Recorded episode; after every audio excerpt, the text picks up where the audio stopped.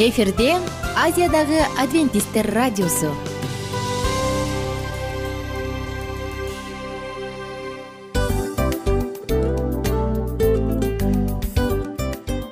Достор салют.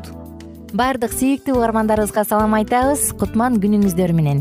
Ден соолук өмүрдүн булагы демекчи саламат саамы программасында баарыңыздарды көргөнүбүзгө абдан кубанычтабыз. Анда алгач амандашып өтөлү арбаңыздар деп. Ден соолугуңуздар кандай элибизде көбүнчө ден соолук кандай дегенде эле жакшы деп жооп беребиз э? ооруп турсак дагы жакшы дейбиз. Анан мен муну айтып ойлойт элем бул абдан сонун сөз депчи анткени бул жакшы деген үмүт да э ооба баары жакшы болот. Баары сонун. Деп үмүттөнүп атып эле өзүбүздү өзүбүз дарылап коебуз.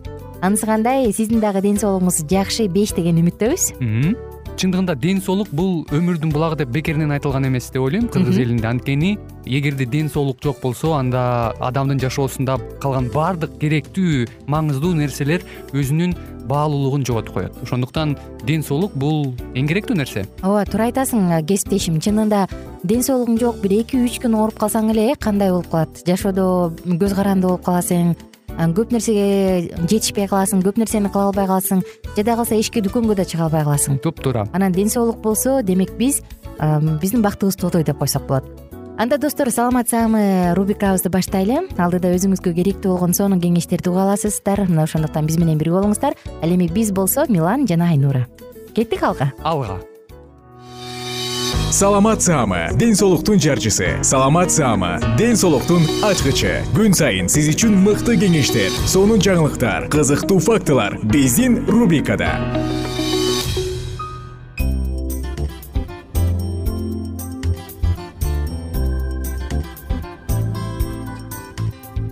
Кутмандуу күнүңүздөр менен достор жалпыңыздар менен амандашып кайрадан саламат саама рубрикасын баштадык. Бүгүнкү темабыз үндү кантип сакташ керек сизге жакындарыңыздын бирөө чалганда ал таанышпай эле дароо эле сүйлөп баштаса болот. Эмне себептен? Анткени үнүңүздү таанып калат туурабы?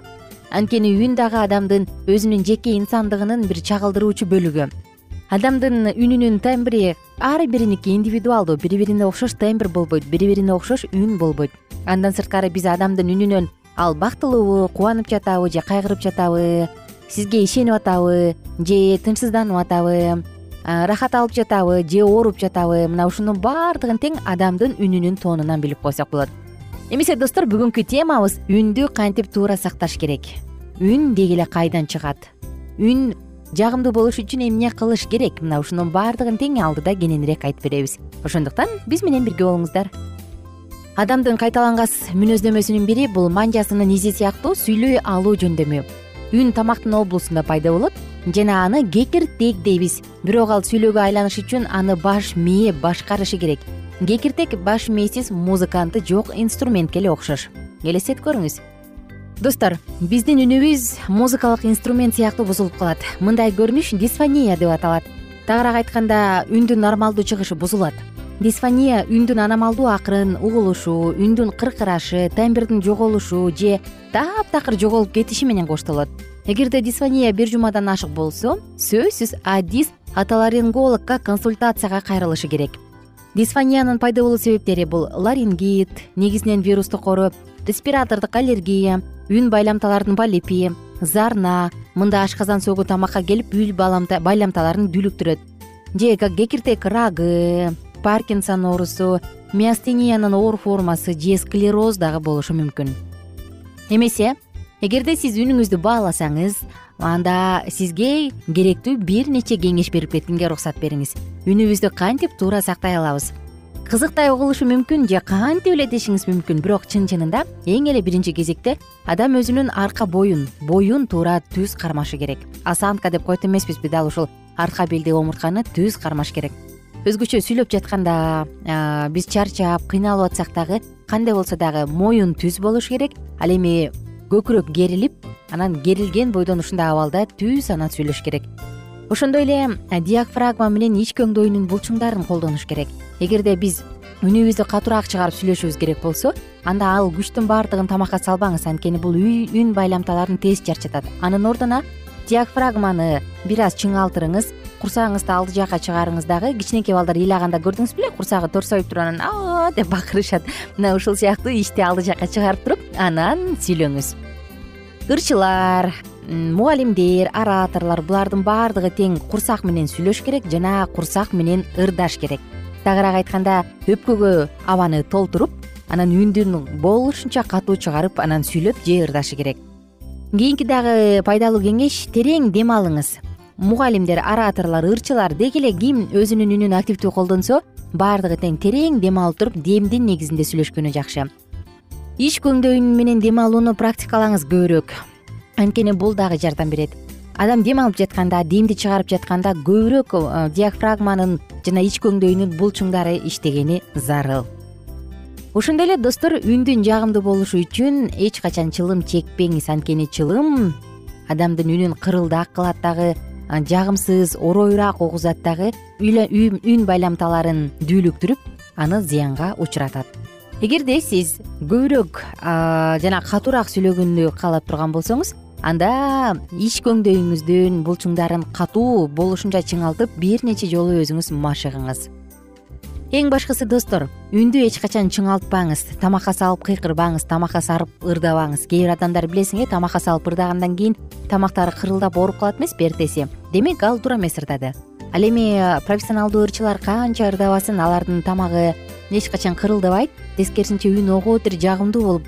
Ого бетер мындай кенен сонун жагымдуу чыга баштайт эмеспи. Демек бул туура ырдагандан үндү сактайм деген угармандарыбыз үчүн айталы бөлмөгө киргенде кондиционерден абайлаңыз анткени кондиционер өтө катуу иштеген жерде афониянын же болбосо үндүн жоголушунун себеби болуп калышы мүмкүн.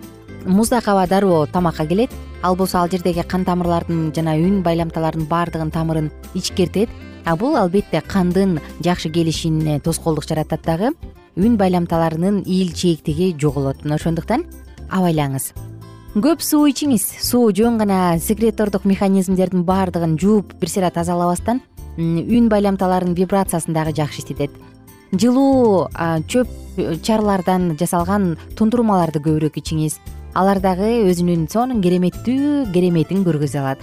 Лакричник солодка душица ромашка сыяктуу чөптөрдөн тундурма жасаңыз лимондун согун ичиңиз. Ага болсо арынын баалын салып туруп жылуу суу ичсеңиз бул дагы тамакты жакшыртат жана үн байламталарын бекемдейт. Дагы бир маанилүү сонун кеңеш бар. Бул аромат сонун жыттуу жыпар жыттуу майларды жыттаңыз. Тимян лаванда розмарин болобу ушул сыяктуу дезинфекция кылуучу жана сезгенүүгө каршы болгон үн байламталарын чыңдоочу майларды жыттаңыз сабиздин ширесин ичиңиз кадимки анда бета каротин көп ал организмге барган соң а витаминине айланат а витамини үн байламталарын жакшыртат. Демек үн дагы жакшырат. Ошондой эле достор кандайдыр бир азык түлүктөрдүн баардыгына тең чек койгонуңуз жакшы. Ырчылар ораторлордун баары билет. Ичимдик ичкенде алардын үнү бузулат. Ушул ичимдикке таптакыр тыюу салыңыз. Эгерде сиз үнүңүзгө кам көрсөңүз. Муздак сокторду ичпеңиз. Кофе балмуздак сүт мына ушул сыяктуу азыктарды ачуу приправаларды жыт берүүчү каражаттардын баардыгына тең чекит коюп коюңуз. Эгерде сиз үнүңүзгө тамагыңызга туура кам көрүүнү кааласаңыз дайыма ооз менен эмес мурун менен дем алганга аракет кылыңыз. Анткени мурун абаны жылытып туруп анан колкого алып барат. Бир уктуруубузда эсиңизде болсо айтканбыз. Достор элестетип көрүңүз америка кошмо штаттарында дагы бир сонун операциянын түрү бар. Бул үн байламталарын бир аз чоюп туруп анан жасашат он жети миң доллар турат акш доллары. Эгерде сиз караган кезде үнүңүздүн жоголушун жагымсыз болуп калышын каалабасаңыз анда жаштайыңыздан кам көрүңүз. Жалпы угармандарыбызга ийгиликтүү күн жана кийинки уктуруудан амандашканча. Саламат саама ден соолуктун жарчысы. Саламат саама ден соолуктун ачкычы. Күн сайын сиз үчүн мыкты кеңештер сонун жаңылыктар кызыктуу фактылар. Биздин рубрикада салют замандаштар баарыңыздарга ысык салам. Дил маек программабызга кош келиңиздер. Дил маек рубрикасы дегенде эле бул эмне болгон дил маек? Ким менен маектешебиз деп сурайт болуш керек угармандарыбыз бул рубриканы кыскача тааныштыра кете турган болсок ар тарап кесип ээлеринен болгон сонун интервью кеңештер бар. Ооба. жылдыздар менен болгон маек бар. Аталарыбыздын агаларыбыздын чоң аталарыбыздан сонун кеңештер бар.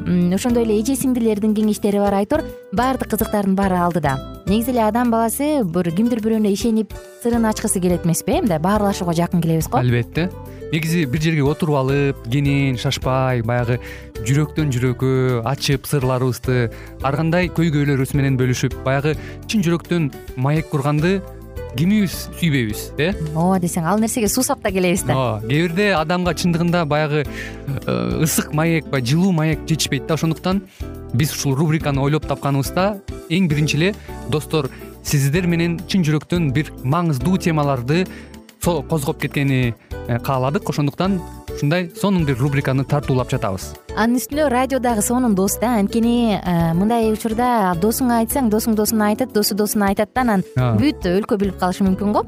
А радио болсо сени сатпаган сенин айыбыңды ачпаган сенин сырыңды эч кимге айтпаган сонун дос. Мына ошондуктан биздин алдыдагы айта турган кеңештерибизди биздин досторубуздун кеңештерин угуп анан ал жака пикириңизди дагы калтырып кайрадан биз менен байланышсаңыздар болот. Деги эле жашооңузга эгерде кичине болсо дагы өзгөрүү алып моралдык жактан нравовдук жактан сонун бир кеңештерди алсаңыз демек биз максатыбызга жеттик. Ооба. Чыңгыз атабыз улуу жазуучу э, чыңгыз айтматов айткандай адам болуу бул күнүмдүк процесс экен. Күн сайын адам бойдон калуу бул адамзатка эң эле кыйын дейт э? э эң кыйын дейт. Чындыгында бунун э, негизинде адамдын эң баягы сапаттуулугу адамдын э, адамгерчилиги жана көптөгөн керектүү нерселер мына ошол темалар дагы бизде ушул дил маекте биз аларды да козгойбуз. Ден соолук жөнүндө да сүйлөшөбүз. Сөзсүз түрдө. Анан милан мырза негизи айтып коюшат го? Биз көбүнчө эмнени ойлонсок ошол нерсеге карата иш кылабыз го? Анан анысыкандай балким бул радио баракчада кимдир бирөөнүн оюн текшергенге жардам берет кимдир бирөөнүн жүрөгүн текшергенге жардам берет. Балким кимдир бирөөгө жашоонун маңызын тапканга жардам берер. Айтор кызыктын баары алдыда бул жөн гана кыскача жарнама анда угармандарыбыздын баардыгын кийинки рубрикабызга чакырабыз. Ал эми кызматта маңдайымда отурган кесиптешим милан жана мен айнура. Анда эмесе биз даярдаган терең терең ойлор менен таанышууга кеттик. Алыс алыс баралык анда эмесе достор биз менен бирге болуңуздар. Алдыда эң кызыктуу маалыматтардын баардыгы бир нече мүнөттөр бою жалгыз гана сизге арналат мына ошондуктан жакшы маана менен угууну каалайбыз үн алышканча. Жөнөдүк. Ар түрдүү ардактуу кесип ээлеринен алтын сөздөр жүрөк ачышкан сыр чачышкан сонун маек дил маек рубрикасында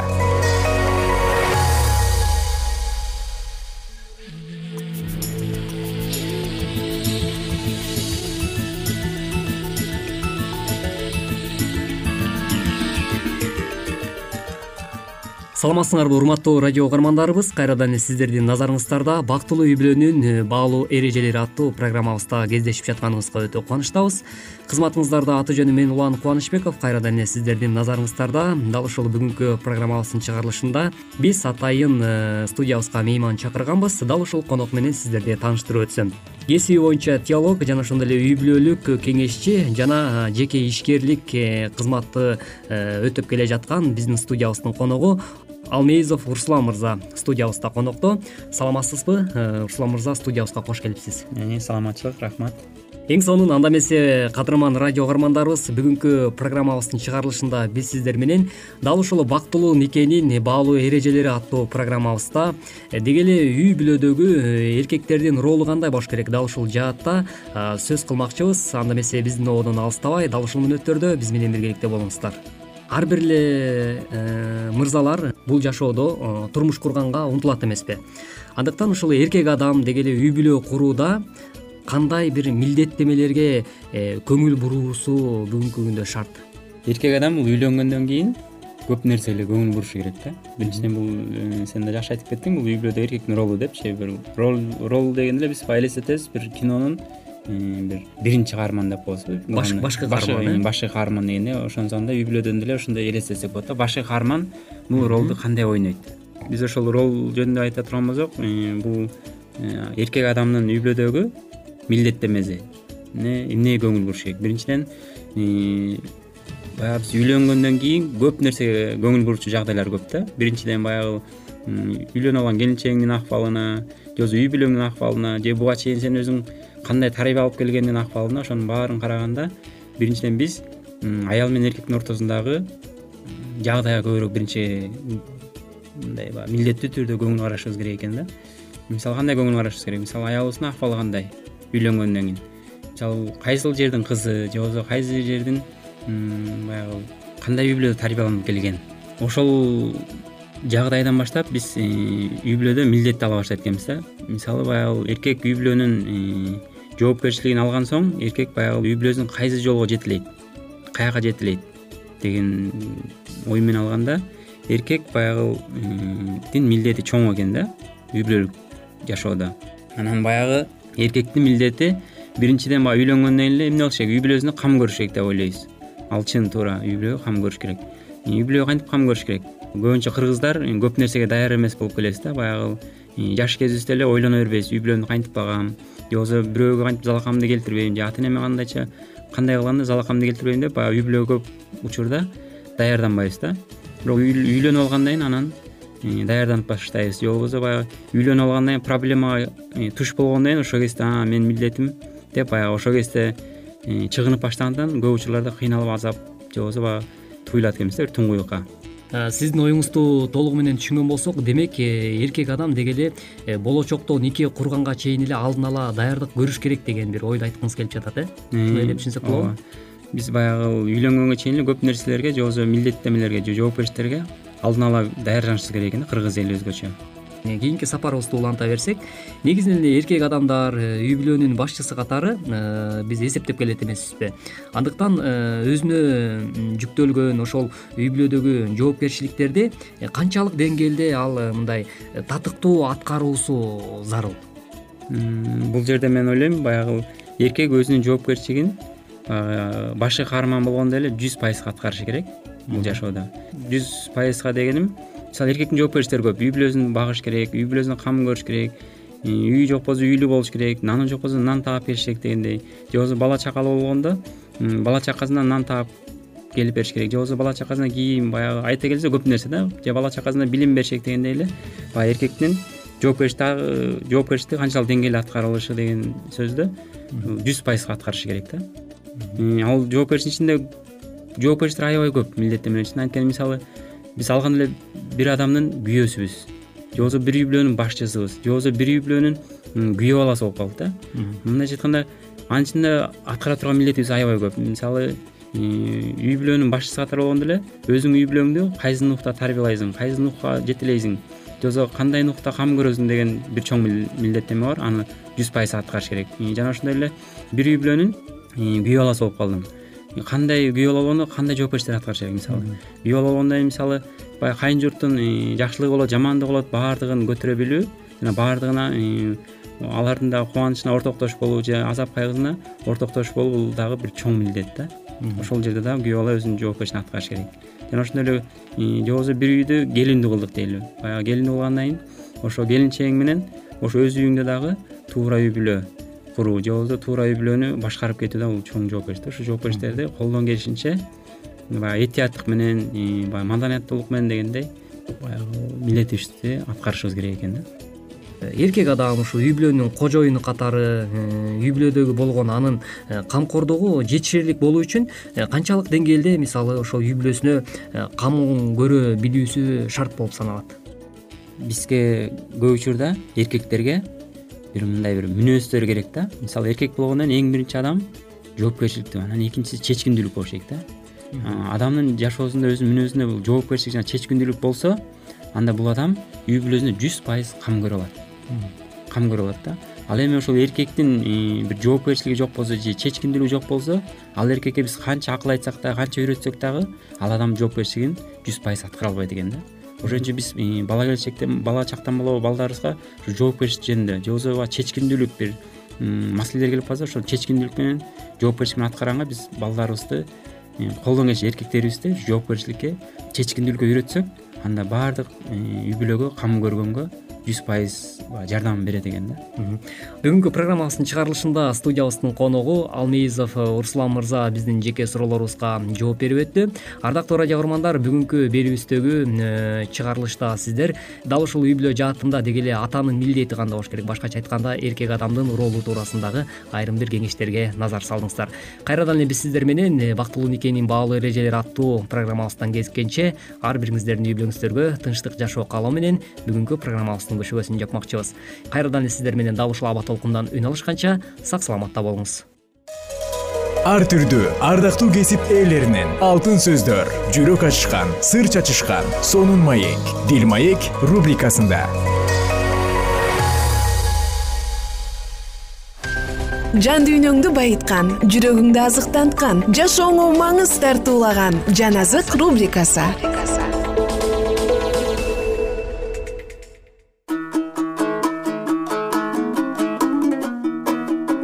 кадырлуу кыргыз калкым кайрадан сиздер менен жан азык рубрикасында улуу күрөш китебин улантабыз. Биз менен бирге болуңуздар. Алдыда эң кызыктын баардыгы бир гана сиздер үчүн. О теңир сенден ким коркпосун? Жана сенин ысымыңды даңктабасын. Анткени бир гана сен ыйыксың баардык элдер келип сенин алдыңа табынышат. Анткени сенин адилет иштериң ачылды.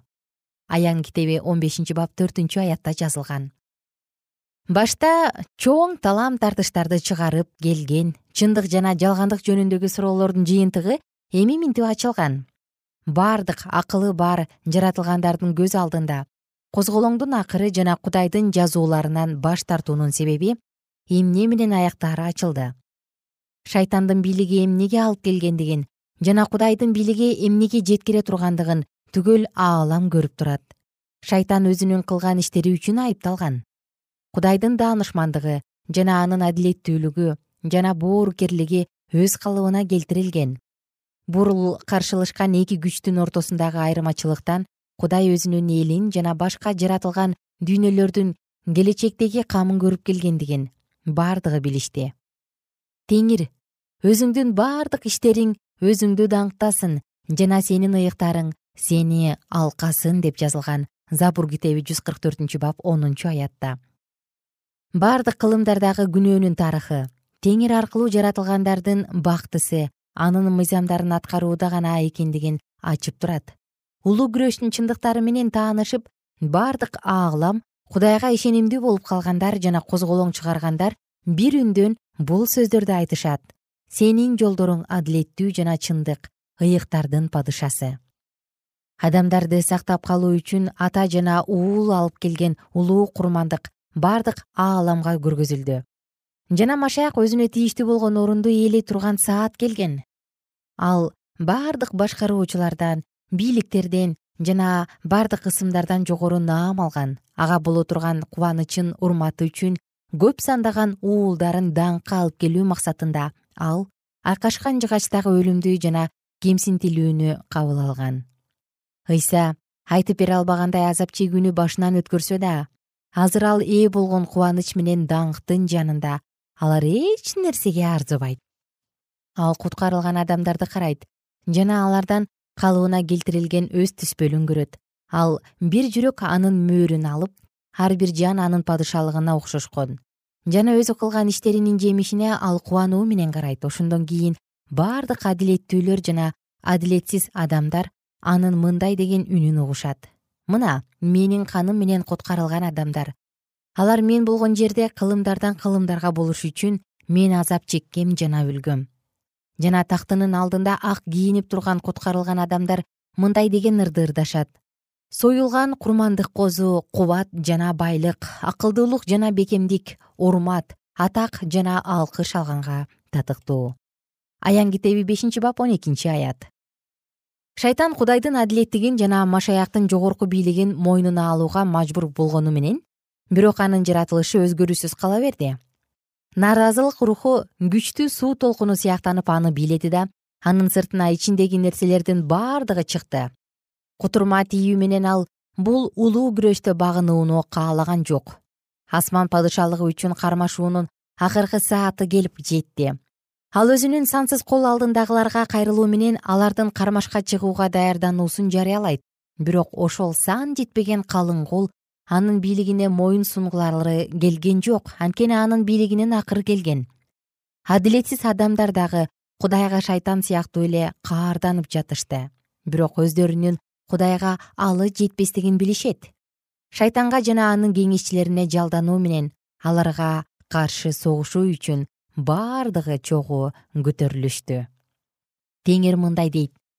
Сен өз акылыңды кудайдын акылы менен бирдей койгон себептүү. Мына мен чет өлкөдөгү элдердин эң катаалдарын сага каршы алып келем. Алар сенин акылмандыгыңдын даңкына өз кылычтарынын кынынан суурушат дагы жаркыраган өңүңдү өчүрөт. Жана мен сени ыплас болгон соң кудайдын тоосунан кулаттым. Калкалоочу периште сени оттуу таштардын чөйрөсүнөн кууду. Ошон үчүн мен сени падышалардын алдына маскаралоого берип сени жерге жыгам.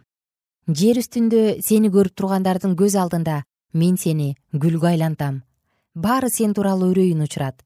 Эми сен кылымдарга болбойсуң. Жезекел китеби жыйырма алтынчы бап алтынчы сегизинчи аяттар он алтынчы он тогузунчу аяттарда жазылган анткени майдан кезинде кийген жоокердин ар кандай бут кийими жана канга чыланган үстүндөгү кийими отко ташталып өрттөлөт дагы жалын жалмайт. Анткени теңирдин каары бардык элдерге каршы.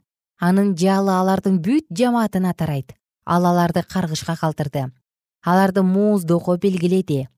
Ал динсиз ыймансызга көмүр чогун ысык оттуу күкүрттү жамгырт кылып жаадырат. Күйгүзүшкө ысык шамал алардын инчиси ышая китеби тогузунчу бап бешинчи аят забур онунчу бап алтынчы аяттарда жазылган. Асмандан от кудайдан түшөт. Жер ачылып жана анын ортосунда катылып турган курал сыртка чыкты. Жана жердин бардык жаракаларынын бардыгын жалмап кетүүчү от чыгып жатты. Жада калса аскалар дагы өрттөндү. Меш сыяктуу алоолонгон мезгил келди. Мына ошондо табигый көрүнүштөр жалындап жер жана анын үстүндөгү нерселердин бардыгы өрттөлөт. Малахия төртүнчү бап биринчи экинчи аят экинчи петр китеби үчүнчү бап онунчу аяттарда жазылган. Жер үстүнүн бардыгы күйүп жаткан деңиз сыяктанат. Кудайдын кыямат кайым күнү келди. Анткени теңирдин кек ала турган күнү сион үчүн жазалай турган күнү келди. Ышая отуз төртүнчү бап сегизинчи аят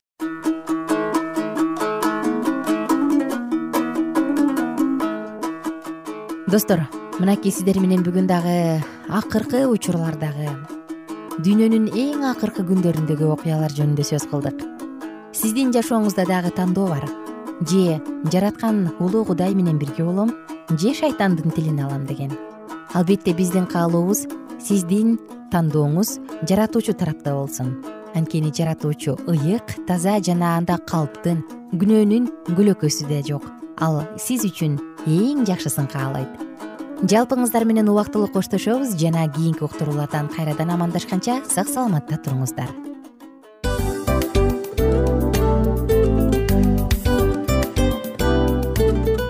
Ушул менен достор программабыздын уктуруубуздун эң кайгылуу мөөнөтүнө келип жеттик.